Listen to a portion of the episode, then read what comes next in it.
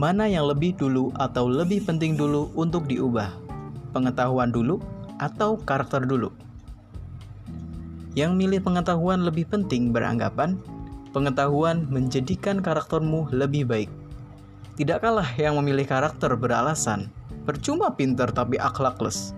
Jadi, aku dulu adalah orang yang beranggapan pendidikan adalah yang paling utama mengubah mindset seseorang.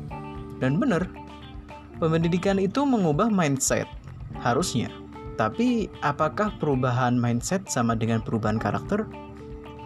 Menurutku, perubahan mindset itu tidak mengubah karakter seseorang. Mengapa demikian? Sekarang, ilustrasikan begini. Simpel aja. Ada orang yang dia karakternya tidak peduli lingkungan dengan suka membuang sampah tidak pada tempatnya.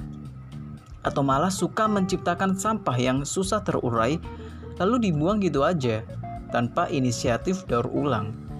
Orang ini, kalau dia disekolahin tinggi, dia tidak lagi menjadi orang yang suka membuang sampah pada tempatnya lagi.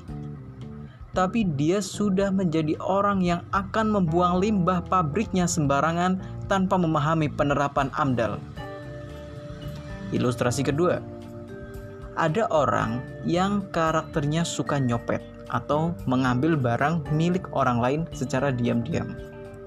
Orang ini, kalau dia di sekolahin tinggi, ditempatkan pada sekolahan yang bagus, dia akan menjadi orang yang suka mengambil kesejahteraan hidup orang banyak. Dari copet menjadi pejabat korup. Jadi, bukan pengetahuan yang mengubah karakter seseorang, pengetahuan hanya mengubah mindset dan menambah level karakter seseorang karakter hanya dapat terbentuk dan berubah atas dasar kemauan dan niatnya dirinya sendiri, bukan rendah tingginya pengetahuan.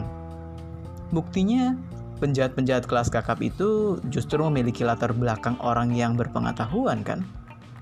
Kalau tidak pinter, nggak mungkin dong dia menjadi penjahat kelas kakap, mentok, begal motor. Jadi, kesimpulan podcast pada hari ini adalah pengetahuan tidak dapat mengubah baik buruknya seseorang.